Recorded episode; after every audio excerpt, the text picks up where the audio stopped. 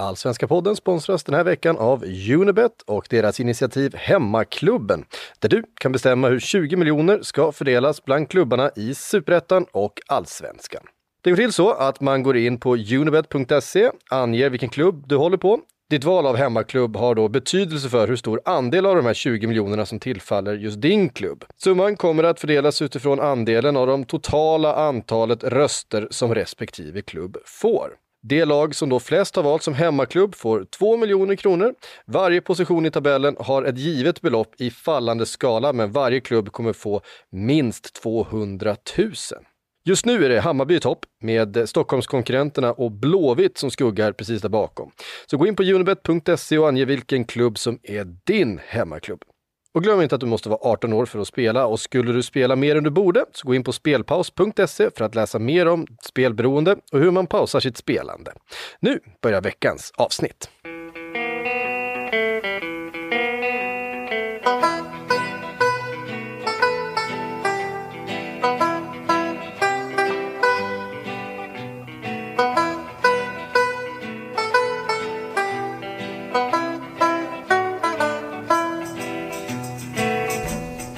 Hej och välkomna till den allsvenska podden som görs i samarbete med Robert Laul och Per Boman. Det är jag som är Laul och det är du som är Boman. Hej Per! Hej! Ja, det kanske inte är det mest vältajmade läget i världshistorien för en säsongstart av en fotbollspodd. Men vi smygstartar så smått ändå med ny jingel och allt. The Village Stompers med Washington Square. Den kommer på slutet också så lyssna gärna vidare. Idag ska vi nämligen prata om hur coronaviruset och den uppskjutna allsvenska seriestarten påverkar lagens slagstyrka. Vi ska svara på lyssnarfrågor och vi ska prata lite om vad som händer framöver. Men eh, vi börjar med en allmän reflektion. Ett liv utan fotboll. Hur har du påverkats Per? Ja, jag trodde inte att det skulle vara så jobbigt för mig. Jag kan vara ganska trött på fotboll ofta så att jag hoppades på att det skulle göra så att det frigjorde tid för andra intressen. Kanske läsa mer böcker, ta längre promenader och allt möjligt så. Och på ett sätt så har det varit helt okej okay, tycker jag, men jag saknar liksom inte chattret runt omkring, även för jag är medveten om att vi bidrar med det. Och jag, jag, jag saknar liksom inte rapporteringen, jag saknar inte träningen, jag saknar inte liksom snacket på Twitter och sånt där, men jag saknar att sätta mig på en arena och kolla på fotboll kan, kan jag verkligen sakna. Så att eh, den mentala hygienen eh, tar verkligen skada av det här på, på ganska många sätt. Eller vad tycker du?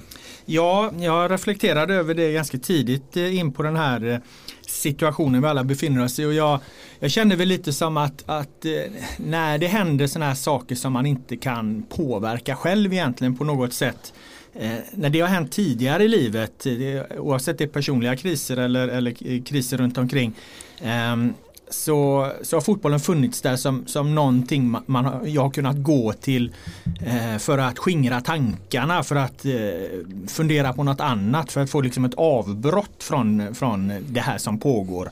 Eh, det här är första gången i mitt liv då, då liksom inte heller fotbollen finns där som en möjlighet. Och jag är så jäkla van vid att, att, att just fotbollen har blivit den typen av ventil i mitt liv. Från när jag var liten under uppväxt och, och själv spelade, själv tittade, nu har jobbat med det. Eh, och, och, så plötsligt så, så, så, finns inte det där längre. Eh, jag anser mig vara väldigt privilegierad i den här situationen jämfört med, med många andra som har det oerhört svårt. Så att det är väl egentligen någon form av lyxproblem jag, jag beskriver. Men, men det, är, det är väldigt slående att, att det som alltid har funnits som en, en ventil, eh, eh, något, en, en, slags glädje liksom. Det är också borta nu. Det är jävligt ovant att inte, att inte det finns, att inte fotbollen finns. Jag, jag, jag kan inte, jag, det, det är liksom inte att föreställa sig att, att, att vi skulle kunna hamna i en situation där inte ens fotbollen fanns. Liksom. Det, det är oerhört uh, ur det perspektivet. Ja men hur, hur stor är tomheten då? Nej men alltså jag, jag, vill verkligen betona det att, att eh, jag känner mig väldigt privilegierad i den här situationen. Det är så oerhört många människor som lider på riktigt och så oerhört mycket mer. Så att jag, jag skulle snarare säga att, att det, är en väldigt, eh, det är en väldigt stor omställning eh, snarare än, än, än att eh, jag eh, skadas, såras, påverkas så jäkla mycket av det. Men det, är en väldigt stor förändring i, i, i livet skulle jag säga. Ehm, och, och, det gäller någonstans så tror jag att hitta rutiner i den här tillvaron. Eh, utifrån att den, den blir långvarig eller inte, det vet vi ju inte. Men, men det gäller att hitta nya rutiner och, och eh, hänga upp livet på. Och ja, där, där kämpar man väl på som alla andra.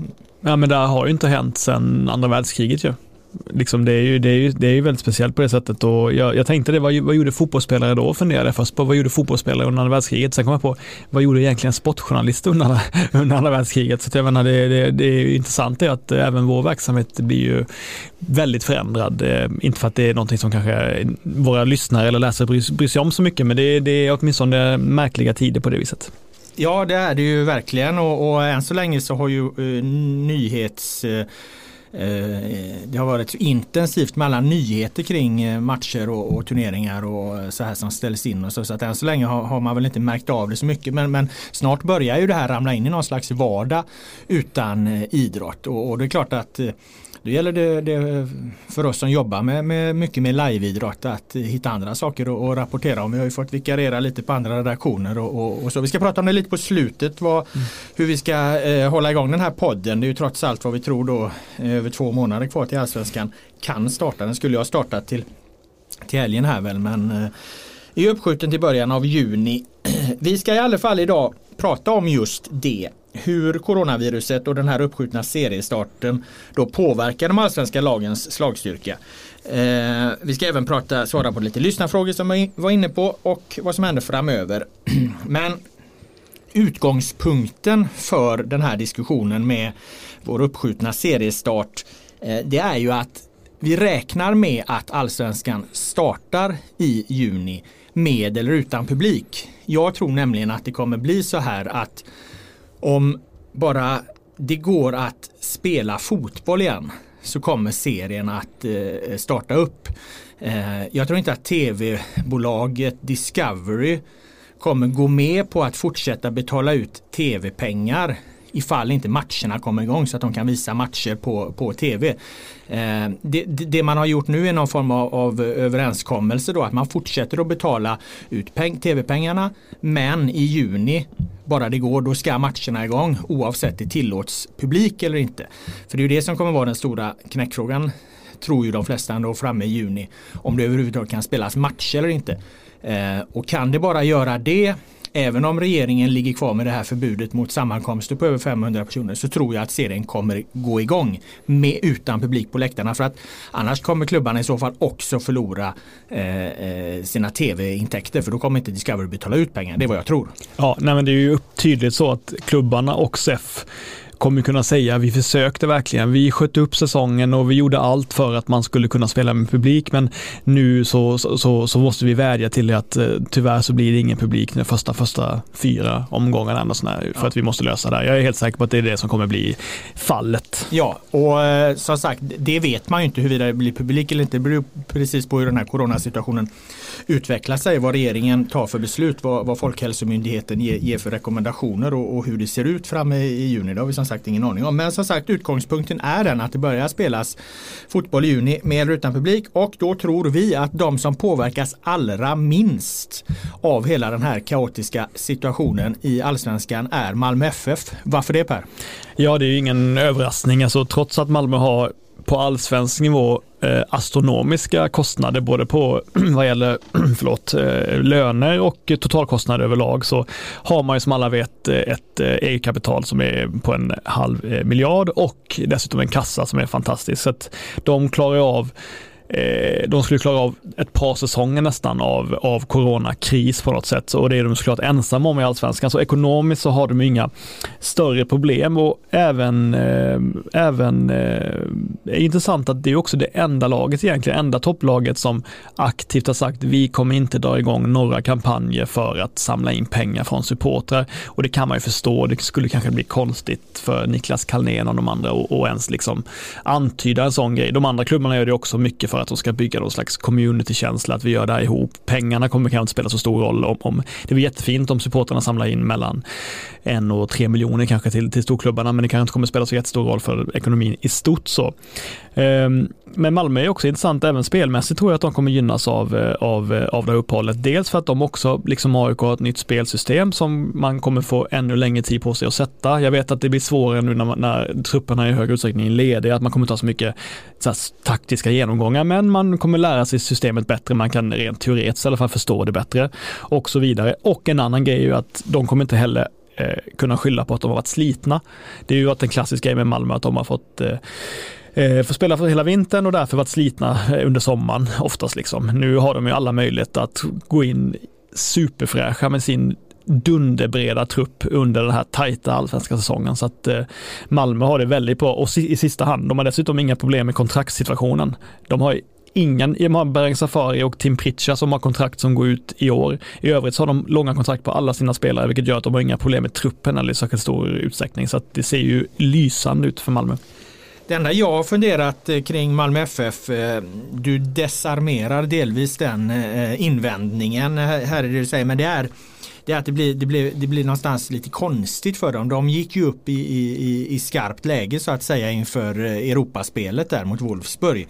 Eh, och sen hade de väl räknat då med att eh, bara kunna rulla vidare. Mm. Och sen så blir det ett plötsligt avbrott i det.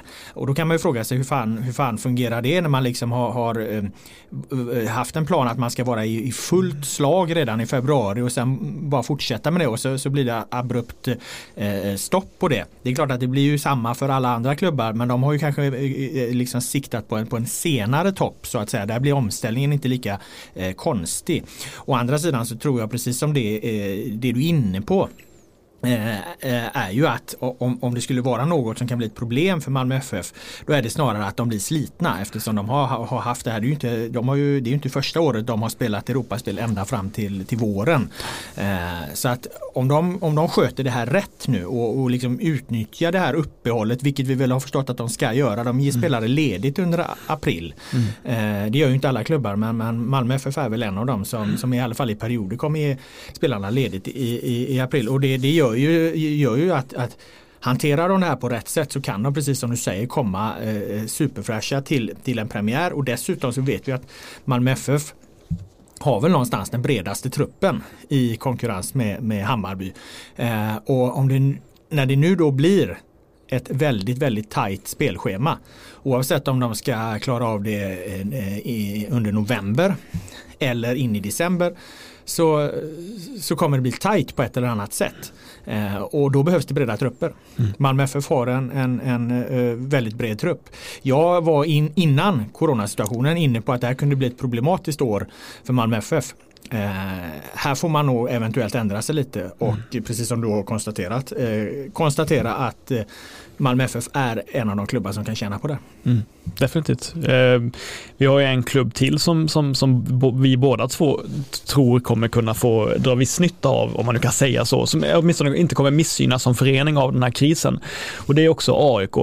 Eh, de har ju i grunden en stabil ekonomi. Det problemet är ju såklart att de eh, ändå lever så pass mycket på sina stora publikintäkter att likviditeten kan bli problematisk. Men det, de har också varit, har ett väldigt snabb, stark framförhållning i att försöka mota Olle i grind då genom insamlingar, genom permit, snabb permittering. Det känns som att de har varit väldigt, väldigt tidiga på allt. Early adopters i den här, eh, i den här kristiden. Dessutom så drog de ju bromsen redan inför säsongen på personalkostnader som är ju ganska, väldigt höga i AIK, så att eh, det, det är ju någonting som de redan, redan försöker dra ner på. Så att ekonomiskt tycker jag ändå läget ser ganska bra ut, även för de gjorde det där lite halvklumpiga pressmeddelandet för, för några dagar sedan. Och de sa att när man fick intrycket av att läget var akut, för det var det ju inte. Nej, men jag, AIK är snarare, å ena sidan så är de eh, eh, en av de storklubbarna tillsammans med Hammarby och Blåvitt som vi också ska komma in på som, som är mest känsliga för det här som händer nu. Just av den anledningen som du är inne på att, att de, de har väldigt, väldigt höga personalkostnader. De, är, de har också väldigt, väldigt höga publik publikintäkter och när då publikintäkterna försvinner mm. så blir de här höga personalkostnaderna eh, ett problem.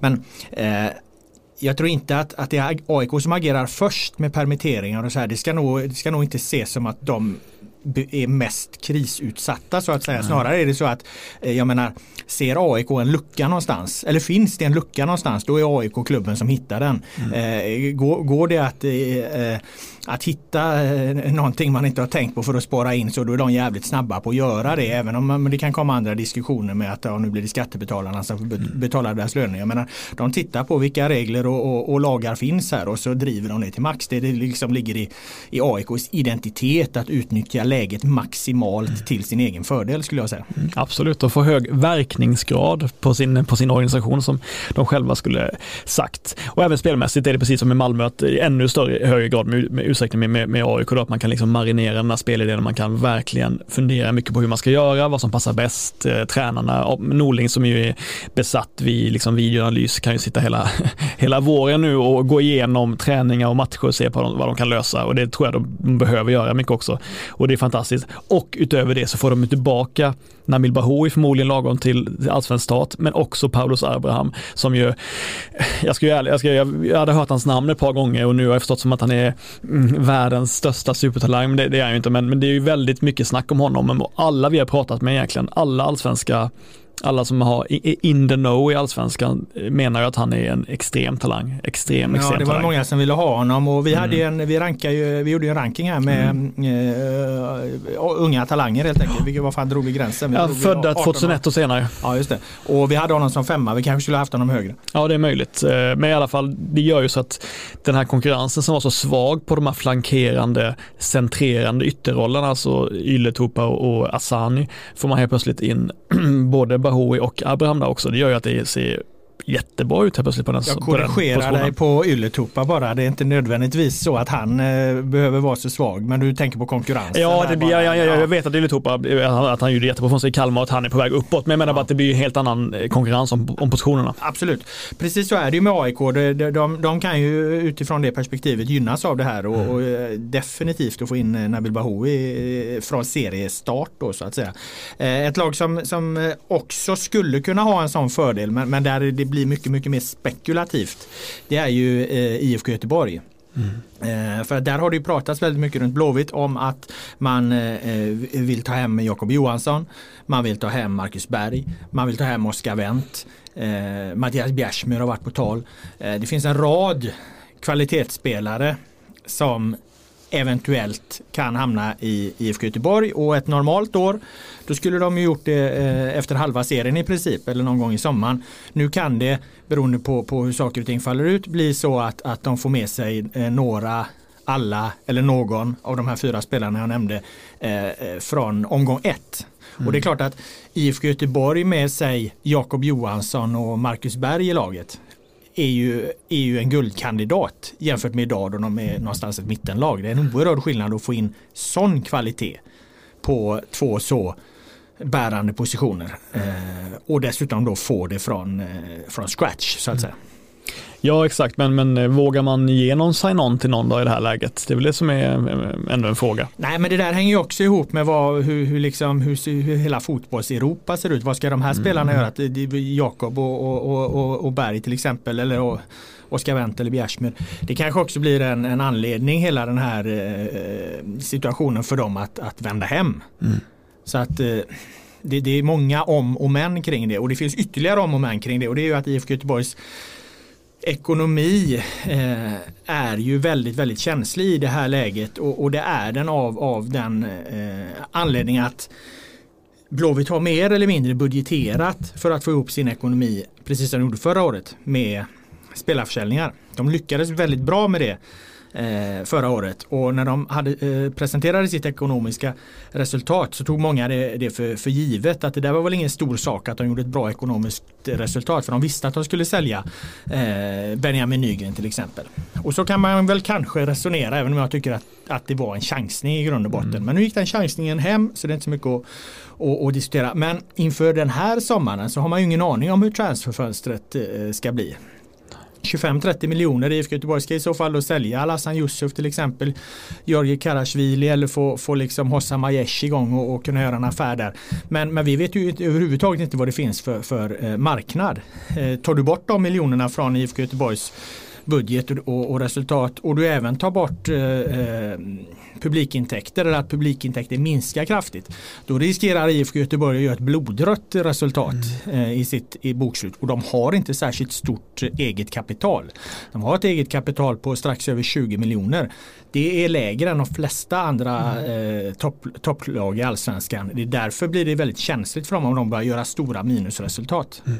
Nej men det är väl givet att man inte kommer kunna sälja spelare för särskilt höga, eh, stora summor som läget är nu. Alla, i princip alla klubbledare i allsvenskan och även internationellt så säger man ju att den kommer kylas ner marknaden i säkert två, tre fönster minst och att det kommer ta lång tid att komma tillbaka till de här historiskt höga nivåerna som ändå varit på de senaste två åren. Ja, därför är det livsfarligt att vara beroende av, av spelarförsäljningar och den toppklubb som är allra mest beroende av spelarförsäljningar i det korta perspektivet är hur man än vänder, vrider och räknar på det IFK Göteborg. Ja, men det är intressant. Man kan ju säga någonting om IFK Norrköping där också. De har ju varit extremt eh, lyckosamma på just den strategin. Bäst i Sverige eh, på att ta in framförallt svenska unga spelare eh, som har varit stukade eller varit stora talanger och gjort dem eh, till 4 plus-spelare minst i allsvenskan och sålt dem dyrt. De har ju varit extremt bra på det, även, de, eh, även vissa utländska spelare som eh, Sigurdsson. Eh, och det som är grejen med IFK Norrköping är att de har en stabil ekonomi, den är fin, så de är absolut inga superakuta problem, men de kanske måste ställa om lite, liksom hela allsvenskan på att de kommer inte kunna sälja spelare för samma, de kommer kanske inte kunna finansiera sin toppklubbsstatus eh, med spelarförsäljningar på samma sätt, för de har ju inte alls samma inkomster från, från eh, publikintäkter heller, så att jag tycker IFK Norrköping har ju lite speciellt läge. Dessutom så, så, så snackade jag lite med deras klubbchef häromdagen och han nämnde ju att Eh, att de är lite exponerade på det sättet att de har ju massa eh, andra sysslor, bisysslor runt omkring dem. De sköter konferensverksamhet på arenan, de sköter restaurangverksamhet, de sköter friskvårdsverksamhet och allting och det riskerar ju liksom massakreras på grund av coronakrisen. Så att de har ju, de är, han, han, han menar ju att läget är stabilt men att det man kan ju inte tänka sig att Norrköping förblir en, en bra allsvensk klubb men det blir svårare för dem att, att aktivt utmana högst upp. Liksom. Mm. Så är det. Eh, det som IFK Göteborg också måste in där i den diskussionen, även om du gled in på Norrköping här, mm. men jag, kastar in det kring Blåvitt i alla fall. Det är att de har höga eh, fordringar på att få in mm. eh, pengar eh, från tidigare spelarförsäljningar. Tillsammans med Hammarby så har de allra eh, mest eh, ekonomiska krav på andra klubbar. Och det, det är också en osäkerhetsfaktor. Kommer de här pengarna komma in? Kommer de, det, alla, allting komma in enligt plan eller, eller blir det liksom en kedjereaktion här där, där Blåvitt, där de befinner sig i den här näringskedjan, får en smäll där. Även Hammarby eh, befinner sig i, i ett sånt läge att man har mycket fordringar ute och så. Um, men eh, det, var, det var ett inlägg, eh, ett avslutande inlägg om IFK Göteborg där. Eh, Norrköping rent eh, spelmässigt om ändå, när, när vi var inne på dem, om, om vi går vidare på dem. Hur, hur står sig IFK Norrköping med med trupp och, och, och, och läge. Vad, vad på, hur påverkas de av, att det skjuts upp här nu? IFK Göteborg tror jag som sagt de kan ju få en sportslig utväxling på det ifall de får in de här spelarna som vi pratar om. Då går ju de från mittenlag till guldstridskandidat om inte ekonomin rasar fullständigt. Men i Norrköping? Ja, men jag känner en viss osäkerhet kring Norrköping. Jag tycker fortfarande att de har en bra till och med väldigt bra allsvensk trupp i, hög, i viss utsträckning, men de har ju, de har ju eh, varit ganska svaga under, under det sett under kuppspelet och fått dåliga resultat, inte spelat särskilt bra heller. Det, men det de kan gynnas av då är att spelare som Alexander Fransson och Simon Tern som av olika skäl då har haft en jobbig försäsong som inte har kommit igång fysiskt eller spelmässigt, de får ju mycket längre tid på sig att hitta rätt Eh, i sin, eh, i sin form helt enkelt. Och det tror jag kan vara, vara väldigt bra för, för Norrköping. Det gäller även Kristoffer Nyman som måste få bort den här förkylningen som han ser ut att gå runt med hela tiden på planen för han ser ju seg ut. Eh, men truppmässigt... Ska jag ha en förkylning? Nej, det är sant. Det är sant, det är sant. Men jag tänkte ett annat problem med Norrköping är ju dock att de har ju ganska många spelare på utgående kontrakt. Gerson, Tern, Blomqvist, Dagestål, Isak Pettersson, Sead Haksabanovic såklart som ju antar jag försvinner. Om han nu hittar någon ny klubb å andra sidan. Men det, problemet är väl snarare då att de kommer ju inte eh, alla de här spelarna har ju möjlighet att förhandla med nya klubbar då i sommar, men de kanske inte de kanske blir kvar just eftersom det är svårt att, för utländska klubbar att köpa också. Men det är ändå ett, många viktiga spelare som har utgående kontrakt och det kan ju bli ett bekymmer för Norrköping. Så jag tycker att Norrköping, jag tycker inte de är ett lag som har, som kan säga att de, att de gynnas i relation till andra toppklubbar av den här krisen. IFK Norrköping har ju också den fördelen om man jämför dem med, med till exempel IFK Göteborg att de har ett väldigt högt eget kapital. Mm. De har en, en, eh, en, en eh, högre fallhöjd så att säga. Så att jag, jag tror att de klara den här krisen bättre rent ekonomiskt utan att hamna i någon form av, mm, av eh, panikläge. Och det är klart att det är ju alltid, alltid skönt att känna. De är inte riktigt lika beroende av höga publikintäkter eller eftersom de i grunden gick in i, i säsongen med en budget för, för lägre publik. De drar inte in lika mycket pengar på, på publik helt enkelt. De ligger på 15-20 miljoner mm. mot IFK Göteborg runt 30 miljoner. Då. Eh, så det är, det är en skillnad också. Ja, men det är också det med att menar, eh, han gör ju en riskkalkyl alltid också Jens. Liksom, vilka spelare ska, ska spela in Manasse Kos och ska spela in Isak Bergman Johansson, ska spela in Karl Björk. Det är ju, man har ju förmodligen killar i truppen som skulle göra det kanske lite bättre än de här tre talangerna över ett helt år. Men Norrköping har ju alltid gjort den kalkylen att det är värt att spela, spela in de unga spelarna för att det kan ge saker på lång sikt. Men nu kanske inte det kommer ge lika mycket på lång sikt eh, att spela in unga spelare, så det, det är ju intressant att veta vilken strategi de väljer då. Det lär vi få se mm. förr eller senare. Vi tar oss in på Hammarby som ju är oerhört intressanta i eh, det här läget. Man kan väl säga att Hammarby eh, någonstans rent känslan kring Hammarby är att de är en väldigt, var en väldigt stor förlorare på att det blev så här. Mm. De var inne i en, en, väldigt positiv trend. De hade satt formen tidigt. De dundrade genom kuppen. De skulle ha den här hemmamatchen mot, mot IFK Göteborg. Eh, de har ju en, en, en monstertrupp sett på, på de offensiva eh, mm. positionerna med en oerhörd konkurrens. Men de har en liten osäkerhet och, och det rör också ekonomin då. Det, det, det, de har en verksamhet med en ganska hög risk för att de har väldigt höga personalkostnader mm. och de är, har de allra högsta eh, eh, efter Malmö publikintäkterna. Och eh, det är klart att det gör dem sårbara ifall nu till exempel allsvenskan skulle spelas utan publik ett tag. Det är då Hammarby de som skulle kanske såras allra, eller de är de som skulle såras allra mest tror jag. Eh, av det här. Så att deras verksamhet eh, är riskutsatt och eh, jag tror också att de hade räknat med att i alla fall sälja någon spelare mm. för att få ihop ekonomin på ett bra sätt. Till exempel är ju, är ju Darijan Bojanic, eller var då innan, innan allt det här drog igång. Eh, han är ju så bra så att han skulle, de skulle kunna få ett väldigt, väldigt fint bud på, på honom eh, i sommar. Om omständigheterna hade varit som vanligt, vilket de inte längre är, finns det ingen marknad då kommer de inte sälja Bojanic. Då är det frågan om, om eh, vad det här innebär för Hammarbys eh, verksamhet i stort. Men de står ju fortfarande kvar med en fantastisk trupp.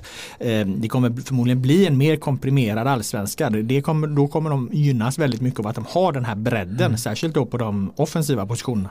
Tror du att eh, det här kan, liksom, den här situationen kan göra att storklubbarna i allsvenskan kommer tjata mer på att de borde få mer tv-pengar för att de är större klubbar?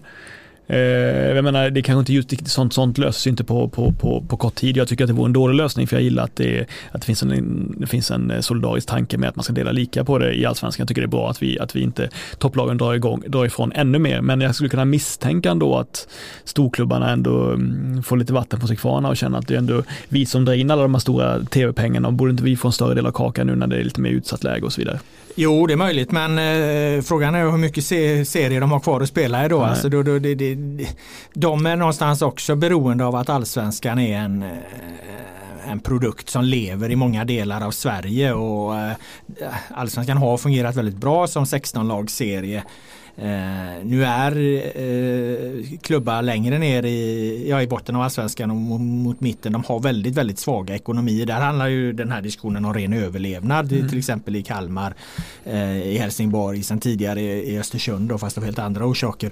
Eh, så, så, så det är klart att det, ja, det, det, finns säkert en del av de här storklubbarna som kommer driva på det. Jag tycker att det är dumt och det är kontraproduktivt och jag tycker att de bör se det långsiktigt även i ett läge då det bara går att, att, att tänka eh, kortsiktigt. Men det finns ju en dimension av det här också. Det är ju att det är frågan om man ska sätta sig i läget eh, där Hammarby, IFK Göteborg, eh, AIK i viss mån befinner sig. Att man ska maxa så jävla hårt mot dem eh, ja, för att prestera sportsligt. När det kan inträffa sådana här oförutsedda eh, händelser. Jag menar Häcken har ju ett årsmötesbeslut till exempel på att de alltid ska ha 20% av sin omsättning ska finnas i det egna eh, kapitalet så att eh, man utan jättestora problem kan hantera worst case scenario. Mm. Eh, så, eh, så är inte läget i IFK Göteborg till exempel. Och, och Hammarby är under en, en, mycket högre risk än till exempel Häcken. Och det, alltså att Häcken har nått dit beror ju på att de eh, inte kanske har värvat max för att gå mot ett SM-guld varje gång. Mm. Som kanske andra lag gör då. Mm. Utan Häcken kan ju snarare få lite kritik. Varför satsar de inte mer och så vidare. Och då tänker man inte, lite, då tänker man inte riktigt på nej men de har ett årsmötesbeslut om att 20% av omsättningen ska finnas i det egna kapitalet. Då kan man inte bara värva på hela tiden. Det är anledningen till att man, man bromsar lite för att man ser, ser, ser, det på längre sikt. Nu är de i, i, i ett läge då de ju belönas av det där Häcken inte är lika sårbara så, som många andra utan man klarar det. Man skulle nog till och med Även om han var väldigt stor personal, eh, personal för Gotia Cup och så. Man skulle klara även, även ett år utan Gotia Cup. Även om det är klart att det skulle bli väldigt besvärligt. Men, men annars om man bara ser till, till, till att allsvenskan kanske inte skulle spelas med publik och så. Det skulle Häcken hantera det inte lika bra som Malmö men nästan till. Ja, men det är intressant för man har ju läst ganska många rapporter och så där från osynliga handeln och så vidare som har tryckt på att det är nästan liksom en barnslig tanke att ha mycket pengar på banken som, som, som, en, som en fotbollsklubb. Men de är inget företag som vilket som helst. De behöver inte, det, det, det man ska investera i och vinna för att själva syftet med en klubb är att vinna saker, att vinna fler matcher, att ha titlar och sådär. Syftet är inte att samla pengar på, på hög liksom. Men det är, jag förstår att man blir väldigt mycket av en baksätesförare också. Ingen kan ju, ingen kan ju vänta sig en, en epidemi eller ett tredje världskrig eller någonting som stoppar idrott under, lång, under en lång period. Men jag tycker väl ändå att klubbar kanske, jag kan förstå att det blir total kris om, en, om, om det är ett år utan idrott. Men man kan ju bli lite mörkrädd när det räcker med en eller två månader utan, utan publikintäkterna som man väntar sig och att det går så snabbt. Liksom. Nej, och jag menar, eh, det kan man ju, man kan ju välja att driva verksamheten och så här, men då ska man inte tigga, tycker jag. Det är Nej. det jag kan bli då. Då ska man liksom inte tigga pengar i det här läget, för att det är faktiskt ett vägval man har gjort från IFK Göteborgs sida, att ha den här höga risken. Det är ett vägval från Hammarby att ha den här höga risken. Det är ett vägval från från AIKs sida att ha den här höga risken och det är ett vägval till exempel från Häcken att inte ha samma risk. Men när det, den här situationen då uppstår, ja då ska ju Häcken i det läget eh, premieras genom att de har tagit klokare beslut eh, under längre tid så att säga. Mm. Nej, det är väl den eh, slutsatsen jag landar i. Det laget vi inte har pratat om här nu då är eh, Djurgården. Mm. Och de hade väl, de hade väl nästan varit i, i läget eh, Hammarby, AIK och IFK Göteborg om det inte vore för att de exakt precis innan allt det här mm drog igång, gjorde en av de sjukaste affärerna i allsvenskans historia när de säljer Marcus Danielsson till, till Kina och, och, och får in eh, alltså 50,8 miljoner på banken, eh, på bankboken i en enda betalning, inte utspritt eller någonting. Den droppar väl, väl in någon vecka innan det första coronafallet konstaterades här i Sverige. Så det, det, det eller när fan det nu var. Men eh, det, det är oerhört vilken, eh, vilken liksom timing det var i den affären. Jag vill bara säga det, jag känner en viss glädje när vi pratar om pengar på banken och så, att folk som inte, gör, eh, inte tar stora risker. Nu jag är tillhör de som alltid har velat bo i hyresrätt och jag tillhör alltid de som vill spara pengar på banken om jag har några pengar att spara istället för att ge mig ut på börsen och sådär. Det, det, känns som att det, det vill man hålla sig borta från. Och så man har hånats av kollegor och så tycker jag att man ska ge sig ut på bostadsrättsmarknaden och göra klipp och så vidare och sälja vidare och köpa. Det känns skönt att äntligen få, få, få känna att man gjorde rätt som, som höll sig lugn i dessa febriga tider av spekulation. Tack för mig. Men nästa steg är väl att nu har börsen rasat och mycket har gått åt helvete och om ett tag så rasar väl då också bostadsmarknaden. Mm. När priserna på bostadsmarknaden går ner på botten, kliver du in då? Det är möjligt att man köper sig en liten stuga i Blekinge, men jag vill inte, jag vill inte, jag vill inte spekulera i, i andra människors olycka, men man, man får se, det, det, här, det kan ju vara läge att skörda helt enkelt. Ja, ja. Eh, ledde det dig in på någonting du ville säga om Djurgården? Eller? Nej, jag bara kände det var bara en allmän reflektion om livet. Men Djurgården är väl, det är väl intressant att de, att de, de kan sitta, sitta lugna nu. De, har, de saknar ju, de har ju ett stort hål i sin trupp med att Erik Berg inte är redo och de har en typ av det räcker inte med, med Augustinsson och Une Larsson och sådär. Eh, men det är ju inget problem, de kan ju köpa den här spelaren i, i sommar istället, eller vad säger du?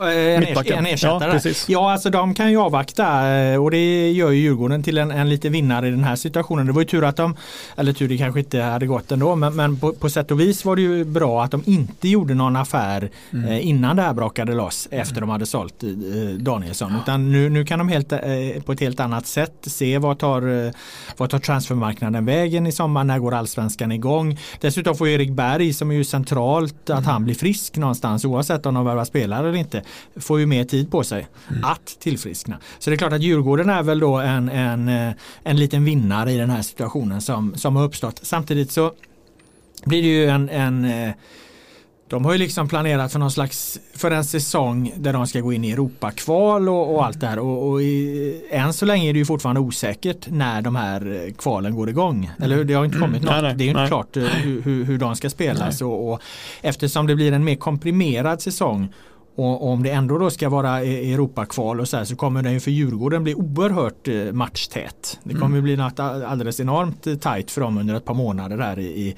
i början av, eh, av säsongen så att säga. Om de ska knö in kvalmatcher och allting i, i, tillsammans med den allsvenska som börjar juni, juli och augusti.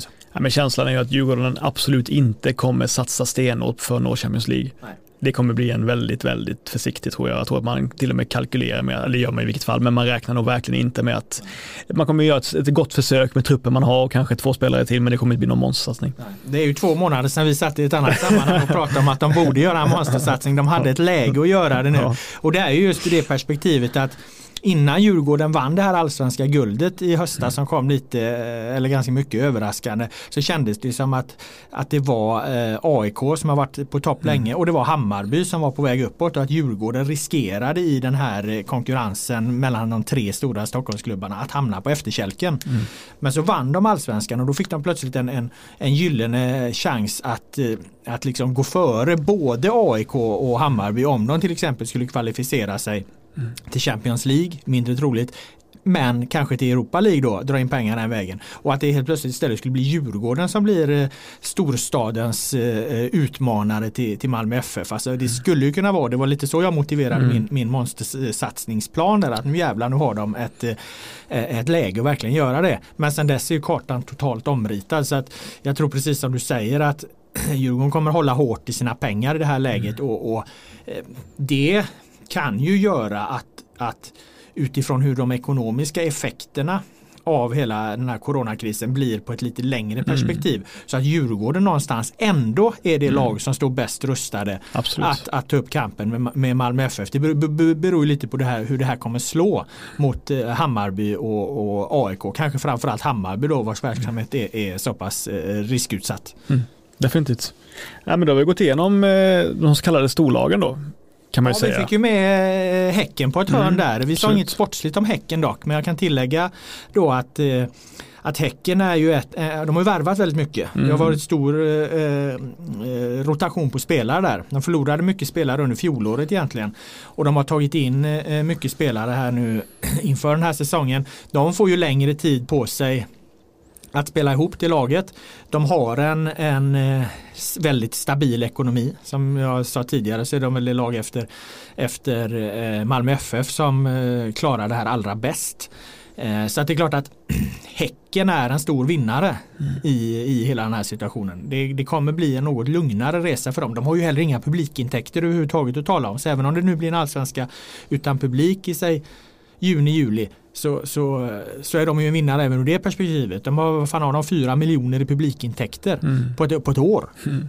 Det är ju ingenting. Nej. Så att det, det, det, ur det perspektivet så, så, så, påverkas de inte så mycket. Jag menar de har en omsättning på nästan 200 miljoner. Eh, risken för dem är ju då att det, att det inte blir någon Gotia Cup. Mm. De planerar mig veterligen fortfarande för att, att köra Gotia Cup som vanligt. Eh, vilket man ju kan eh, fundera på om det, det, det verkligen kommer kommer kunna liksom välla in människor i, i Göteborg då fram ah, Det kommer i, förmodligen inte hända. Du tror inte det? Nej. De har ställt in OS men inte Ja, precis, precis. Nej, för helvete. Men jag tänkte, jag tänkte på det, Häcken är ju intressant i år att de har, Häcken har alltid varit en, eh, så här, man kunde säga så här, att de har, fan vilka fina spetsspelare de har Häcken, men de saknar bredd i truppen och försvarssidan är sådär och bla bla bla. Nu har ju eh, Häcken väldigt bra bredd på nästan alla positioner. De har en stabilitet över alla lagdelar men de saknar den extrema spetsen som de haft tidigare. De har i, i princip ingen 5 plus-spelare, möjligen bortsett från Abrahamsson är väl nästan 5 plus på allsvensk nivå som målvakt. Men, men de saknar riktigt, riktigt starka 5 plus-spelare på ett sätt som är lite ovanligt för Häcken. Så att eh, de har en bättre stabilitet och bättre bredd än tidigare men eh, det finns inte riktigt den här, det där lilla extra. Ja, men jag tror ska man riva sina tips och rita om eh, mm. vad man tror så, så, tror jag att, man, att Häcken kan vara ett lag som, som ska flyttas eh, upp mm. i den där mm. eh, tabellen. Alltså. Mm. Har jag en, en, en känsla av. Det var topp sju. Eh, topp 7-klubbarna, de som slutade topp 7 förra året. Eh, vi har ett mittensegment som vi tänkte gå igenom eh, lite hur, hur klubbarna där eh, påverkas. Och där skulle jag vilja kasta in en, en uh, liten outsider som jag tror kan, uh, kan på, uh, vara en vinnare på den här stationen mm. som uppstått och det är mitt kära IK Sirius. Mm. För att Sirius är extremt beroende av Robert Oman Persson, Sam Lundholm, Stefano Vecchia. de är väldigt, väldigt skadedrabbade. Får de nu extra tid på att få de här fräscha då har vi Sirius som ett helt annat, eh, som ett helt annat eh, lag. Inte så att de ska klättra upp för långt i tabellen. Men vi har haft en diskussion här om, om, om du är lite inne på att Sirius kommer åka ur. Mm. Eh, jag känner att, att, att Rydström har något där. Eh, och får han dessutom de här tre extremt bärande spelarna, nu får de mer tid på sig och, och få ordning på sina skavanker. Eh, så, så kan Sirius vara, vara ett mittenlag som gynnas av situationen.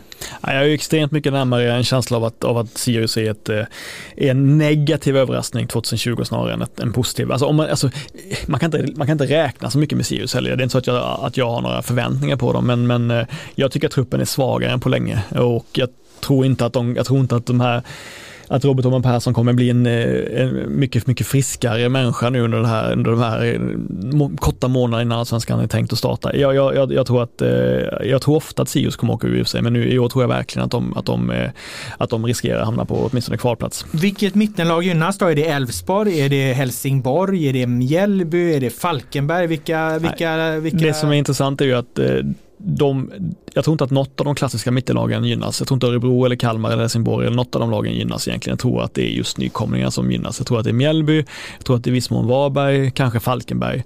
Alla de tre lagen som aldrig har riskerat någonting. De tre lagen, nu har vi sett Mjällby värvar på, men jag tror inte att det har slagit så hårt mot deras ekonomi direkt. Alltså de lagen som inte har, som inte har någon typ av pretension eller liksom inte, som inte tror så mycket om sin, om sin framtid i allsvenskan, som inte siktar på att, att nå topp 5 eller topp 6 framöver, utan som är nöjda med att bara spela allsvensk fotboll, som inte har utsatt sig för några större risker vad gäller spelarlön och sådär. Jag tror att de kan gynnas av det här. Vi har ju ringt runt alla klubbar och de är ju liksom, både Mjällby och Varberg är ju extremt lugna i jämförelse med till exempel Helsingborg, Örebro, Kalmar. Ja, och även eh, Mjällby, Varberg säger du ska även räkna in Falkenberg Absolut, där. Falkenberg, för att, eh, vi har gjort den här rundringen hur de liksom kraftsamlar mm. och, och de här tre lagen gör ju ingenting.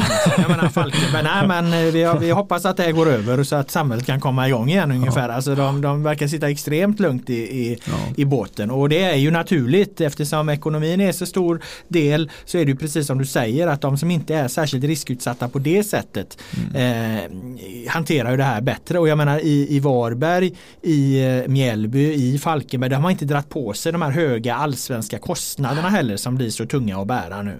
Så att eh, Eh, det finns absolut en, en, en bäring i att det här, det här kan gynna nykomlingarna.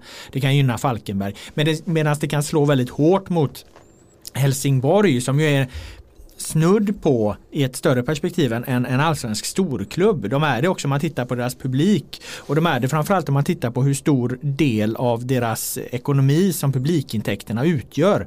Eh, om det nu då blir kall på det här med, med publiken, allsvenskan inte kommer igång i juni och du har eh, Helsingborg eh, som har gått in i den här serien med, med, med ett eget kapital på 2 miljoner, och en kassa på en miljon. Det, jag, alltså det, jag är inte förvånad över att de pratar om att de ska, eller att de fortfarande en, en vecka efter Aselius har kommit hem från sin Söderhavsö, ordföranden där som, som hade missat hela coronakrisen. De sitter ju fortfarande i krismöten om hur de ska hantera den här säsongen. De mm. pratar om att på torsdag kväll ska det komma något svar. De har sagt ungefär samma sak i en vecka här nu så det är mm. klart att de har det jävligt tjorvigt och, och du har också eh, Kalmar som är lite liknande situation. Kalmar har på tio år eh, tappat sitt egna kapital från 72 miljoner ner till 2,5-3 eh, miljoner har de eget kapital nu. De, de, de har haft en nedgående eh, trend. De, de, gjorde, de har redan gjort massa saker för, för att överleva i allsvenskan. Nu kommer ytterligare en smäll på det då. Eh, spelarna, redan innan coronakrisen mm. så gick spelarna ner i lön där. Jag pratade med Lukas Nilsson som väl är den gamle snabba anfallaren som de hade på toppa för typ 20 år sedan, va? om jag tänker rätt. Han är tillfällig klubbchef nu och han lät eh, engagerad men också väldigt, väldigt sliten och, och, det var ju liksom ett jävla läge att komma in i och han sa att, att vi har noll intäkter nu Noll intäkter har vi och likviditeten är ju såklart eh, katastrofal. Alltså jag, jag, Kalmar är väl, jag vet inte, vilka ligger sämst till? Kalmar eller Helsingborg? Svara. Ja, Östersunds FK. Alltså, ja, jo, jo, men, men det som är paradoxalt med Östersunds FK här nu då, det är ju att, att det, det, är jävligt svårt att veta men det är klart de gick ju in i den här säsongen med överlägset sämst förutsättningar. Mm. De, de 20, eh, fan, 21 miljoner i negativt eget kapital i bolaget. Eh, ett, ett minusresultat på 50 miljoner. Grejen är ju att för, för Östersund så har ju, har ju det, de, har ju, eh, de har ju hållit på med det här sedan i höstas. Eh, de har ju varslat, eh, vad fan är det, 13 man. De har ju, mm. de, de har ju egentligen, det alla andra klubbar eh, befinner sig nu, förutom möjligen då Malmö FF. Det har ju ÖFK befunnit sig i sen i höstas. De har redan infört krigsekonomi. Ja exakt, de har redan röstat för det här som de inte visste om. Så att och, och sen är det det här negativa egna kapitalet och det, det, det som nu sker, jag tror man får hålla isär lite det i, i Östersund. Det, det har de ju haft en räddningsplan kring som pågår som den, den gamla eller ja, den gamla bolagsstyrelsen helt enkelt. Bolagsstyrelsen beviljades ju ansvarsfrihet men fick, och fick sitta kvar för att fortsätta och lösa den här situationen med det egna kapitalet som måste vara återställt då fram till eh, juni. Eh, om det går åt helvete så blir ju de, alltså den här styrelsen blir ju då personligen betalningsansvariga för, för, för detta. Eh, det kommer vara en, en, en sidohärva någonstans. Eh, men, men utifrån utifrån liksom den dagliga driften som, som Östersund ska hantera här eh, framöver så har ju de heller de är inte så beroende av publikintäkter. Det, det, det, är klart de har ju precis som många andra de har heller inga intäkter och så men, men eh, paradoxalt nog så, så skulle det kunna bli så att när alla andra klubbar nu hamnar i deras läge så är ju de redan där sedan en tid. Ja, jag kan bara säga det när du går gått igenom siffrorna lite mer, men när jag bara en ren eh, personlig reflektion när jag pratade med vdn Lennart Ivarsson. Jag har nog aldrig pratat med en mer harmonisk person än vad han var just nu. Han är totalt avslappnad. Det, det, fanns, ingenting, fanns inte, fanns inte liksom, fanns ingen krismedvetande överhuvudtaget. Han var bara helt iskall. Han kände att det här var det bästa som kunde hända. Plus att det skulle ju kunna bli så som, som även, det kan ju bli så att det blir, att, att man räddas vad gäller eh, elitlicens och allt möjligt för att det är ett extraordinärt läge. Det vet man ju aldrig. Det finns ju många saker som kan, som kan gynna ÖFK i det här fallet. Ungefär så eh, är väl läget eh, kring eh, klubbarna. Jag tror vi har gått igenom i princip alla där och har vi missat någon så får vi väl ta dem nästa gång vi poddar. För vi har även några lyssnarfrågor som jag samlade in från sociala medier som vi tänkte hinna med här innan, innan vi stänger igen butiken för den här gången. Ehm, vi har Daniel här som undrar Bjärsmyr till Blåvitt. Eventuella implikationer från en sån värvning. Jag har ju redan gått igenom Bjärsmyr så att du får väl svara på den då är det läge för att Bjärsmyr återvända nej, jag tycker ännu en gång? Nej, jag tycker jag känner mig helt kall inför Bjärsmyr faktiskt. Jag, jag gillar honom i grunden som människa. Han verkar vara en reko, rak på sak, eh, sunt förnuft, eh, bondförnuft och så vidare. Så Men som spelare så lämnar han mig kall. Jag tycker Bjärsmyr var den kanske mest överskattade eh, försvararen i hela allsvenskan sista tiden innan han lämnade klubben. Eh, alltså han var ingen dålig spelare, men han var absolut inte heller en framstående allsvensk back sista tiden i IFK Göteborg. Och jag vet att han plågades av allt som hände runt omkring och att det var kaos i föreningen och sådär. Men ja, nej, jag tycker inte de borde ta honom.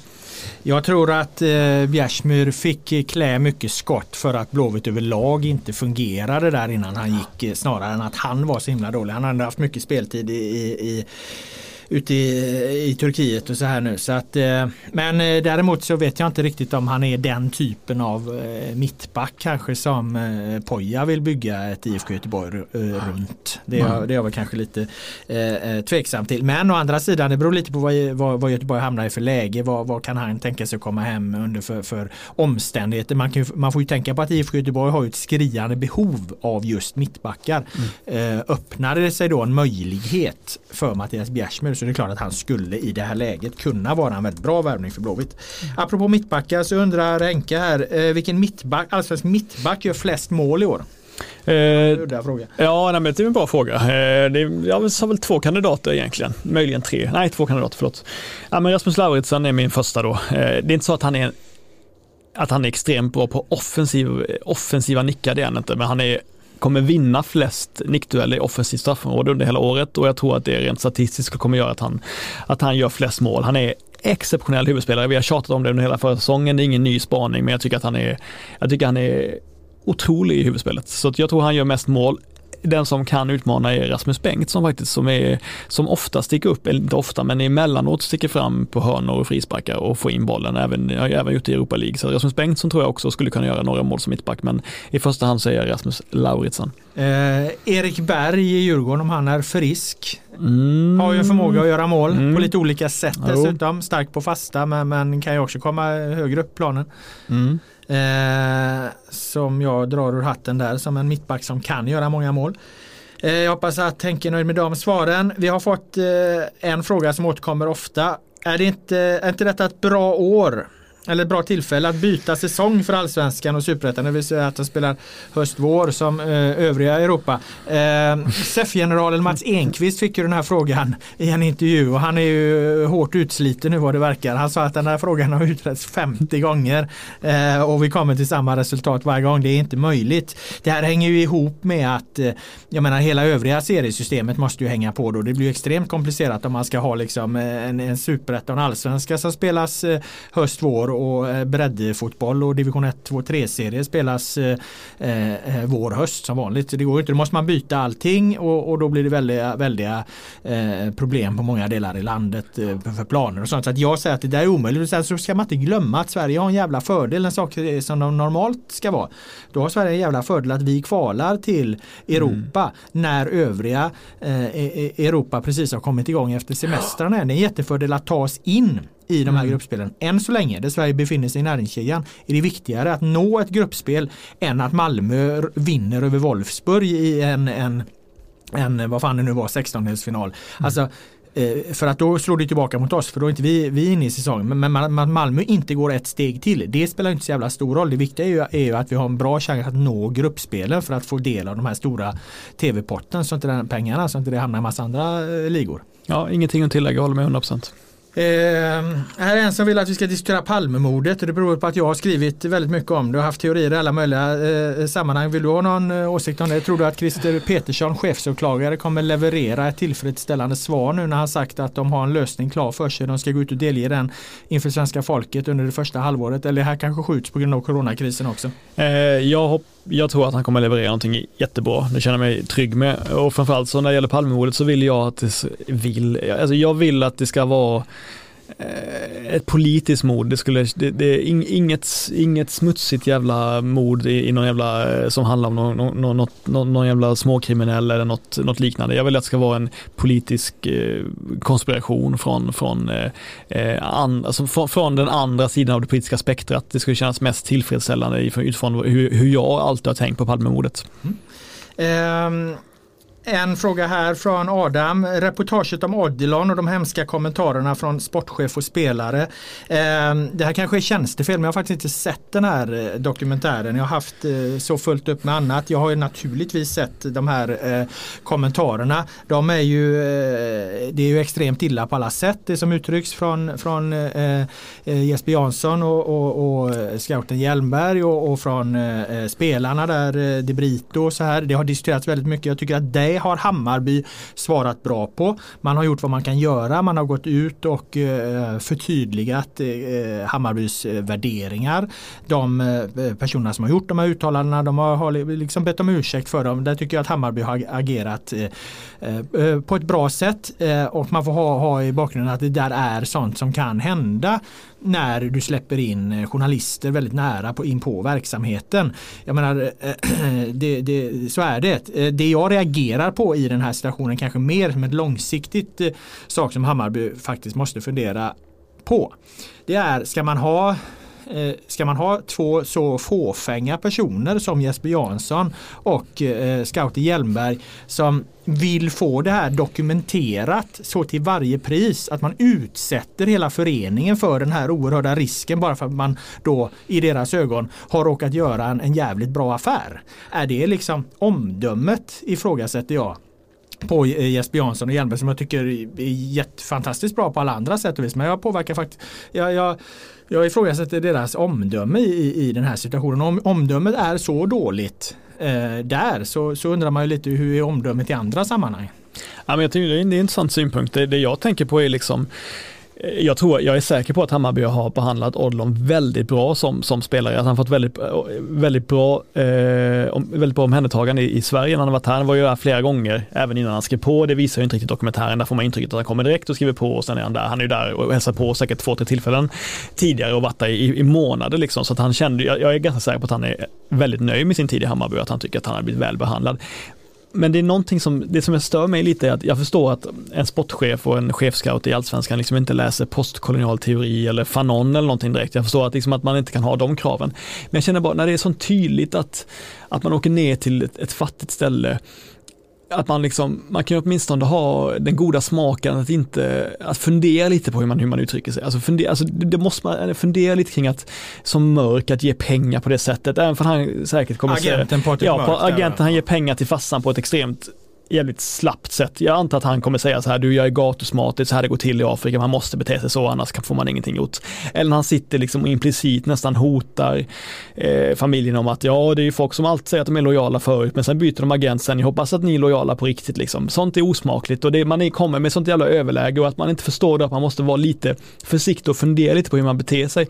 Lite som när Jesper Jansson säger, han vill vara trevlig och säga så här, och han är så viktig för oss eh, Odilon, så att vi kan tänka oss att adoptera honom för att han ska kunna spela i Sverige liksom. Säger säger han till Odderons pappa liksom. Alltså, det, är ju, det, är det är okänsligt att säga så till någon. Eh, och sådana kommentarer man kan, inte ut, man kan inte uttrycka sig för stereotyp, liksom, att en fotbollsspelare från Afrika är sådär, han kan inte, de, de kan ofta inte skjuta för att de inte har det i sig. Alltså, så, sådana grejer är liksom, det, det, jag, jag, är helt säker på att de, deras grundvärderingar är bra och jag, tycker att de behandlat Odlon väldigt bra, framförallt i Sverige. Liksom. Jag är säker på att han har fått en bra tillvaro. Men jag menar bara att man måste fundera, man har ändå ett ansvar att när man åker ner till ett fattigt land att fundera lite på hur man, hur man uttrycker sig och beter sig. Ja, och det är det jag menar, alltså det stora, det överhängande i det här är deras omdöme. Vad har de egentligen för, för uh, omdömesförmåga, uh, Jesper Jansson? Och det, det, kan ju, det kan ju sätta Hammarby i besvärliga situationer i framtiden menar jag. Mm. Eh, om man nu inte då tar det här på absolut största eh, allvar. Och sen vad gäller agenten Patrik Mörko så ja, det, det, tycker jag är jättebra att, att det här framkommer för det visar ju hur vi måste se på eh, även en agent som Patrik Mörk som, som ju många har ett väldigt stort förtroende för här i, mm. i, i Sverige. Eh, och, och, och nu, nu, ser man att ja vad fan han är inte mycket bättre han liksom. Eh, och visst som du är inne på det kanske är så det går till och så vidare. Ja men då får vi väl diskutera det. Då får vi förändra det då så att det inte är så det går till framöver. Då, då, det är väl liksom en sån som Patrik Mörk som ska gå i första ledet eh, för att bidra till att, att saker och ting förändras. Nej, absolut, jag håller med. Det var faktiskt alla eh, lyssnarfrågor vi hade. Eh, vi ska avsluta den här podden eh, med att bara eh, informera om att vi försöker köra på helt enkelt. En gång i veckan. Det kommer inte hända så jäkla mycket kanske. Det finns inga matcher att berätta om och prata om men, men det, det händer väl andra grejer och i värsta fall får vi väl eh, fundera på lite nostalgi. Mm. Kan gå igenom alla guldstrider under 20-talet. Titta på hur de har varit. Ja, vi är ju helt oense om vilken som vi tycker är bäst. Ja. kan man ju lämna som någon slags helt minneslös cliffhanger. Ja, men så är det i alla fall. det kanske kan komma in lite mail till robert.laulet.aftonbladet.se eller per.boman.aftonbladet.se vad ni tycker att vi ska ägna de här två månaderna åt där det kanske inte kommer spelas någon fotboll då beroende på hur länge det blir. Eh, annars så säger jag bara tack så mycket till dig Per Boman för dina kloka synpunkter. Eh, jag tackar alla er som har lyssnat och den allsvenska podden är då förhoppningsvis tillbaka någon gång i nästa vecka.